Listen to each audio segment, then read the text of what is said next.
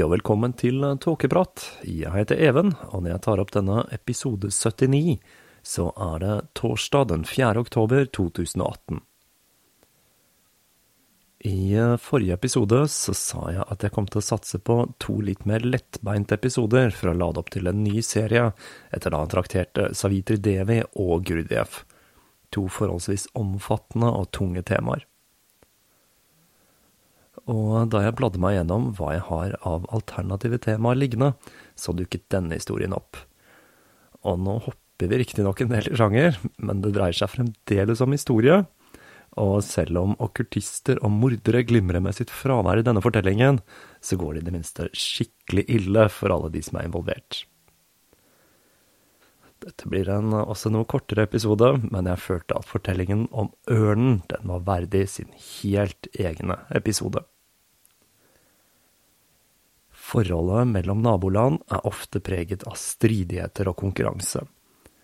Og Norge og Sverige er absolutt intet unntak. Hvem har ikke hørt ordtaket 'det viktigste er ikke å vinne, men å slå Sverige'? Og litt av den mentaliteten er det som preget den oppdagelsesferden jeg nå skal fortelle om.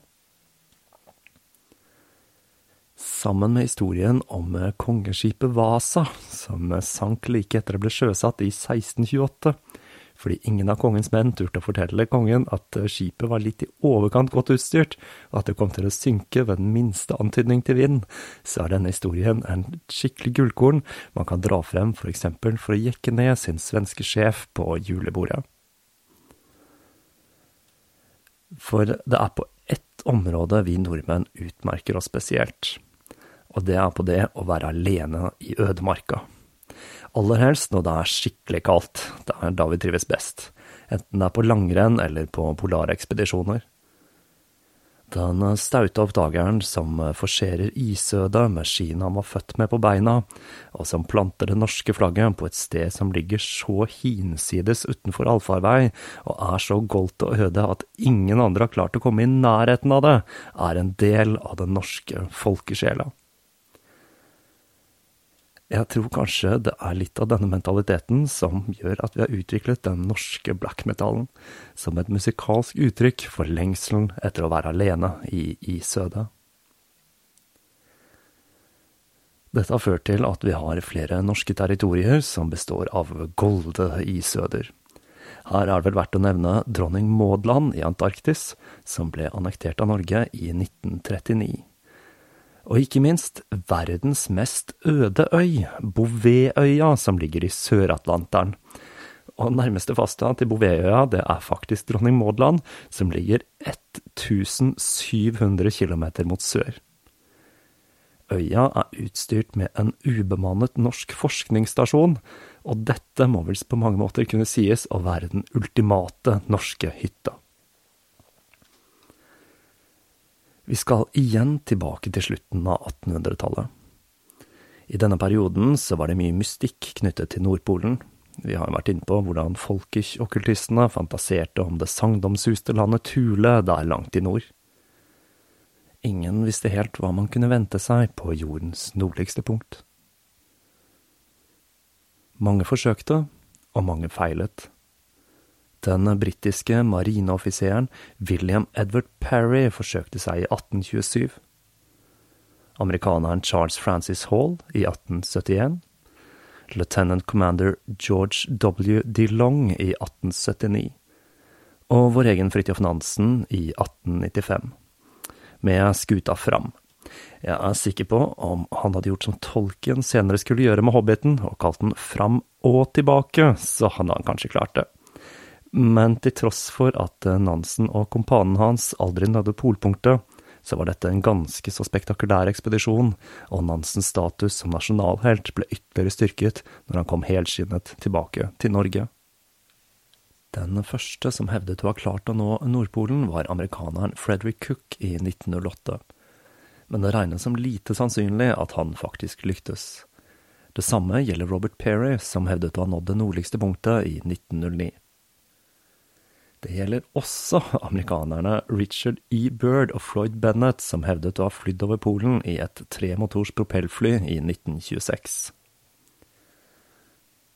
Den første bekreftede besiktelsen av Nordpolen var selvsagt norsk, og det skjedde med luftskipet Norge den 12. mai 1926, hvor vår egen Roald Amundsen var med. Nå snakker vi her, altså. Men da hans italienske makker Umberto Nobile forsøkte å gjenta bragden uten Amundsen i 1928, med luftskipet Italia, så gikk det galt. I god norsk hånd så ble Amundsen med på redningsaksjonen, hvor han forsvant sporløst i isødet. I løpet av den kalde krigen så skulle et par ubåter finne veien til Polen, før den første 100% bekreftede overfarten på land ble gjort den 19. april 1968 av Ralph Playstead fra Minnesota. Men han jukset, han brukte snøscooter. Så den første tradisjonelle polfareren som nådde Polen med 100% sikkerhet, og på skikkelig vis med hundeslede, det var engelskmannen Valley Herbert, som nådde Nordpolen i 1969. Det tok altså like lang tid å nå Nordpolen til fots som det tok oss å lande på månen, og det er jo et lite tankekors. All spøk til side, Norske polarekspedisjoner er et kapittel for seg selv, og et tema jeg har fått flere forespørsler om å se litt nærmere på. Men i denne episoden så skal jeg altså ta for meg svenskenes forsøk på å nå verdens nordligste punkt.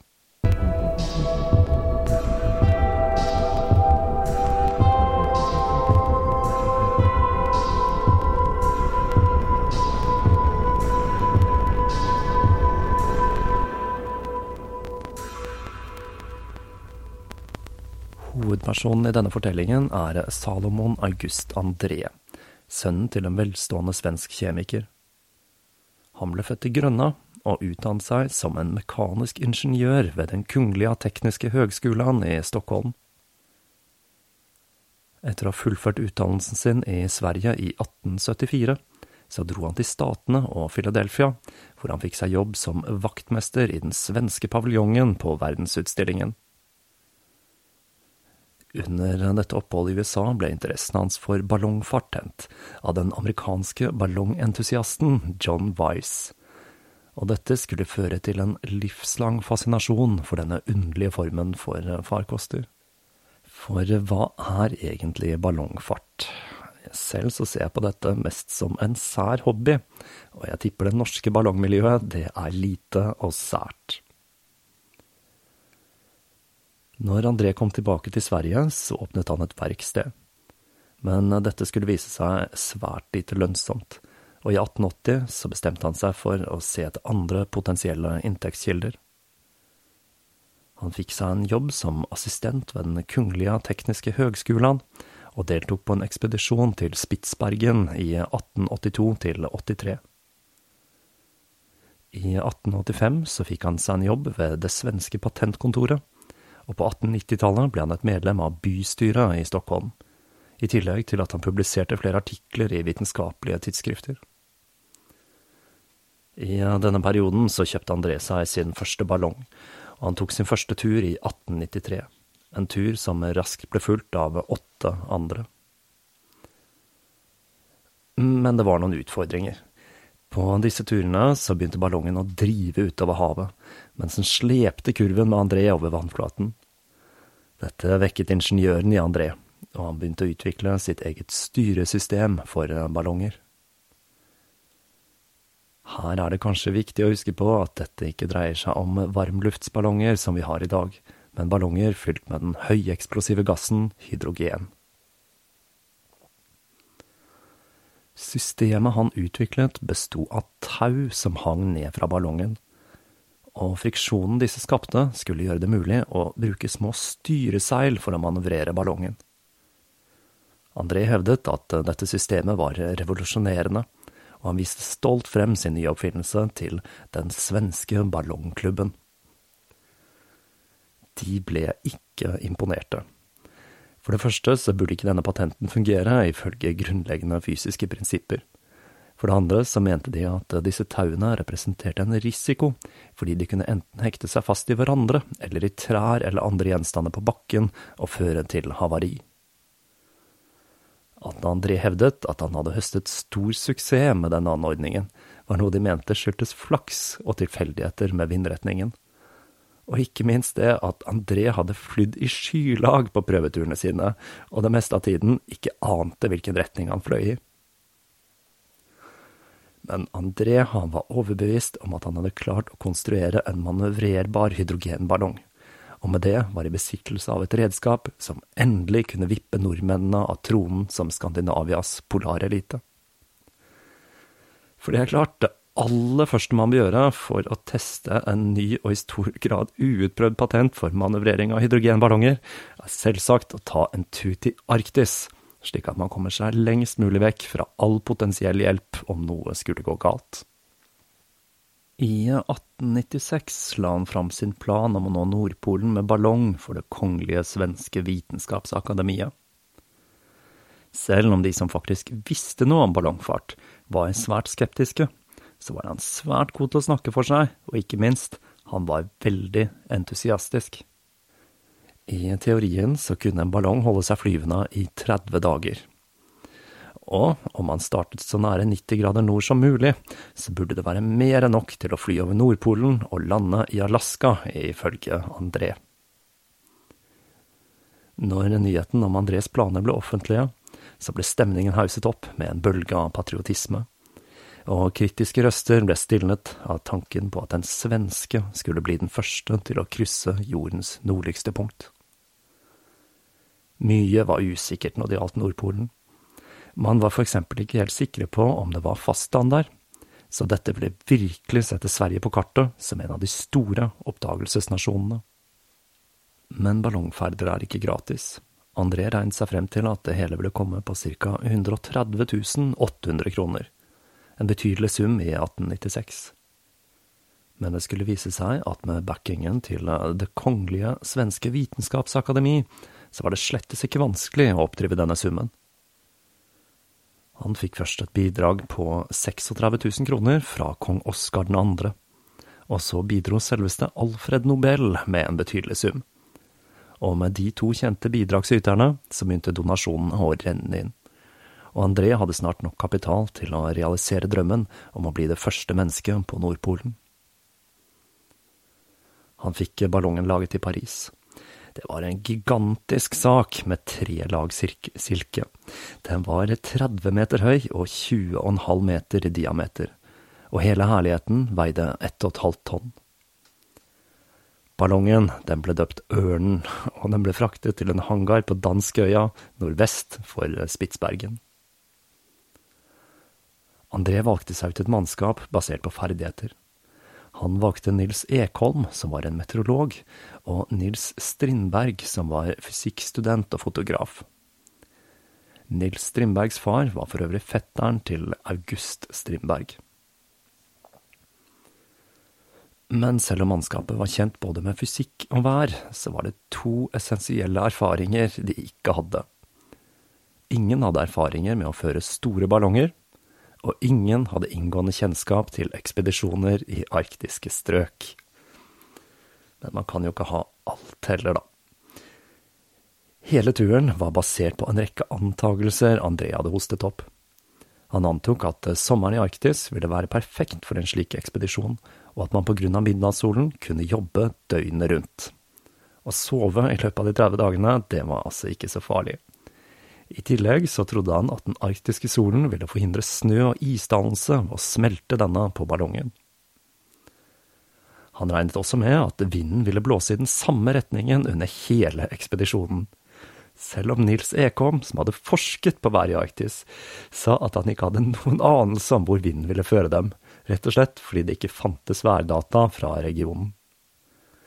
I det hele tatt, hele ekspedisjonen var basert på Andrés fantasi og ville antagelser. Men André var bombesikker på at styresystemet hans ville føre dem på rett vei, til tross for hans tidligere svært tvilsomme testflyginger. Faktisk så var man ikke helt sikre på om ørnen i det hele tatt var flyvedyktig, for den hadde nemlig aldri blitt testet tidligere. Den var bare sendt direkte fra Paris uten noen gang å ha blitt blåst opp. Det første forsøket det fant sted sommeren 1896. En rekke journalister fra hele verden samlet seg på danskeøya for å se André og hans to makkere ta av på denne historiske ekspedisjonen. Alt de trengte for å ta av, var riktig vindretning. Men den kom ikke. De ventet og ventet mens hele Sverige holdt pusten i åndeløs spenning.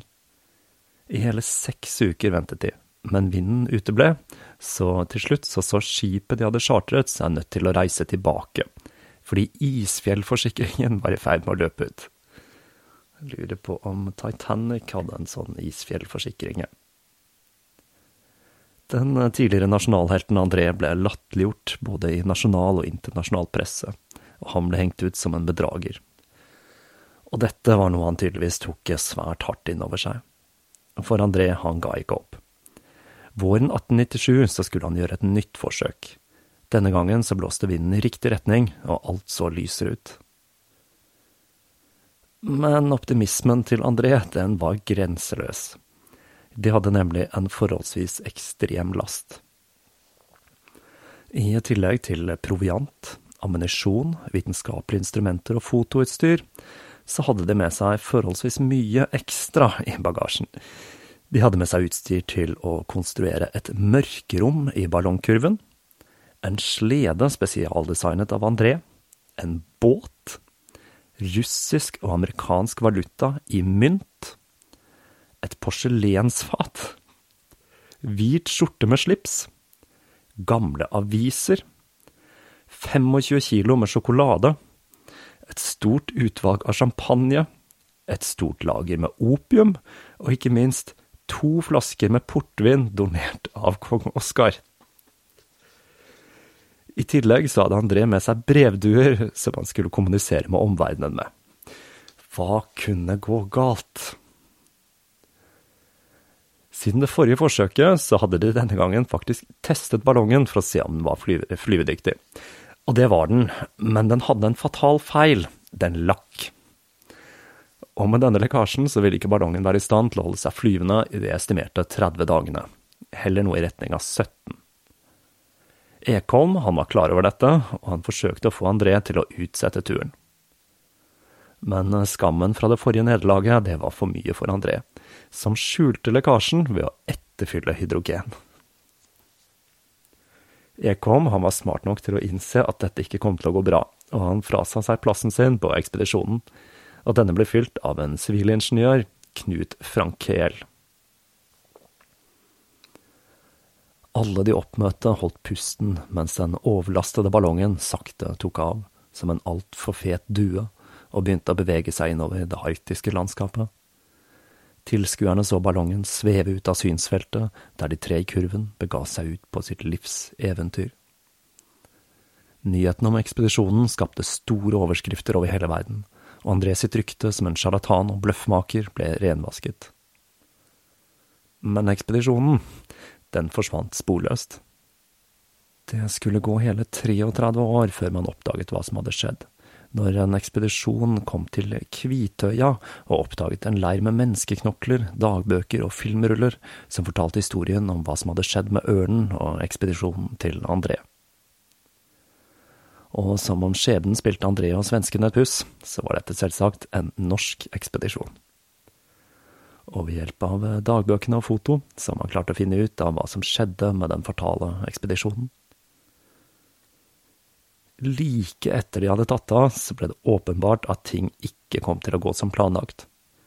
Vekten av den ekstreme lasten, kombinert med Andrés styretau, gjorde at kurven ble slept langs vannflaten, og som kritikeren hadde påpekt, så surret tauene seg inn i hverandre og løsnet. Mannskapet forsøkte å kvitte seg med unødig last, og det hadde de jo nok av. Dette førte til at ballongen steg til 700 meter, hvor det lave lufttrykket gjorde at hydrogenen lekket enda raskere fra ballongen. Uten noen som helst mulighet til å styre, så drev ballongen rundt i ti og en halv time før den traff isen. Men den stoppet ikke der. De ble dratt videre langs isen i 41 timer før ørnen endelig falt til ro. Totalt så hadde ballongen fraktet til 475 km, og det var nå strandet på pakkeisen. Heldigvis så hadde de fremdeles mesteparten av provianten, samt sleden og båten, og de visste at det var tre depot nord på Svalbard og ett i Frans Josefs land, og de bestemte seg for å sette kursen mot det sistnevnte. Men på grunn av drivisen så kom de raskt ut av kurs, og de bestemte seg heller for å gå i retning av Svalbard. De fant raskt ut at det å reise i arktiske strøk er langt fra noen dans på roser, og det å ta seg fram skulle snart vise seg å være et blodslit på den ujevne isen som hele tiden beveget seg, til tross for at de hadde med seg skjorte, slips og vaskevannsfat. Men alt så ikke helt svart ut, for de klarte å supplere provianten sin med å skyte og spise isbjørn, noe som ironisk nok kan ha vært årsaken til at de til slutt døde. I oktober kom de til Kvitøya, og etter kun et par uker der så var alle i følget døde. Hvorfor de døde, er et mysterium. Det verserer flere teorier. Dette kan ha dreid seg om et selvmord. De hadde i hvert fall tilstrekkelig med opium til å gjennomføre dette. Det kunne ha dreid seg om karbonmonoksidforgiftning fra en av ovnene. Men den mest plausible forklaringen er at de ble smittet av en trikinella-parasitt fra isbjørn. Følget hadde nemlig skrevet at de var plaget av fordøyelsesbesvær på turen til Kvitøya.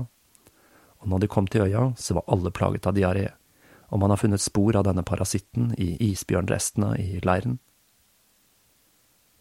Solomon August André skulle få et område på Grønland oppkalt etter seg, Andréland, André ble lenge ansett for å være en nasjonalhelt i Sverige.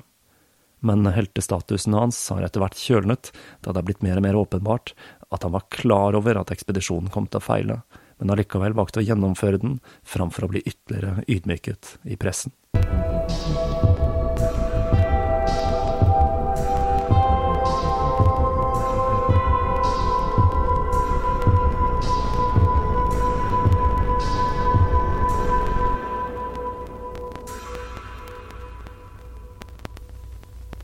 Det var historien om Sveriges forsøk på å bli de første som nådde Nordpolen. Jeg tror jeg har sagt det før, men det er verdt å si igjen. Jeg er ganske sikker på at historisk satire som Blackadder og Life of Brian er langt mer historisk korrekt enn hva vi liker å tro. Og jeg undres litt over hvor mye vi driver med i dag som folk i fremtiden kommer til å riste på hodet over. Historien om ørnen er en god påminnelse om at vi alle har en iboende evne til å lure oss selv dersom nok mennesker heier oss frem. Det er jo ganske åpenbart at André må ha visst at han kom til å dø som en følge av denne ekspedisjonen. Men han valgte altså døden, og med det forårsaket døden til to andre mennesker kun for å unngå å ydmykes ytterligere i pressen. Man kan jo undres litt om hvordan dette hadde utspilt seg i dag. Med sosiale medier så er det ikke like lett å slippe unna hån i pressen som det var den gang. Da kunne man tross alt bare la være å lese avisen, eller eventuelt dra på en polarekspedisjon. Og det var alt jeg hadde til dere denne uken. Og jeg skal se om jeg ikke klarer å fiske fram enda en av disse historiene jeg har på lurt til en regnværsdag til neste søndag. Så fram til da så får jeg atter en gang oppfordre til å følge Tåkeprat i sosiale medier Gi en god rating hvor enn du hører podkasten, tips en venn, og generelt spre det glade budskap. Info, linker og mer finner du som vanlig på tåkeprat.com. På gjenhør.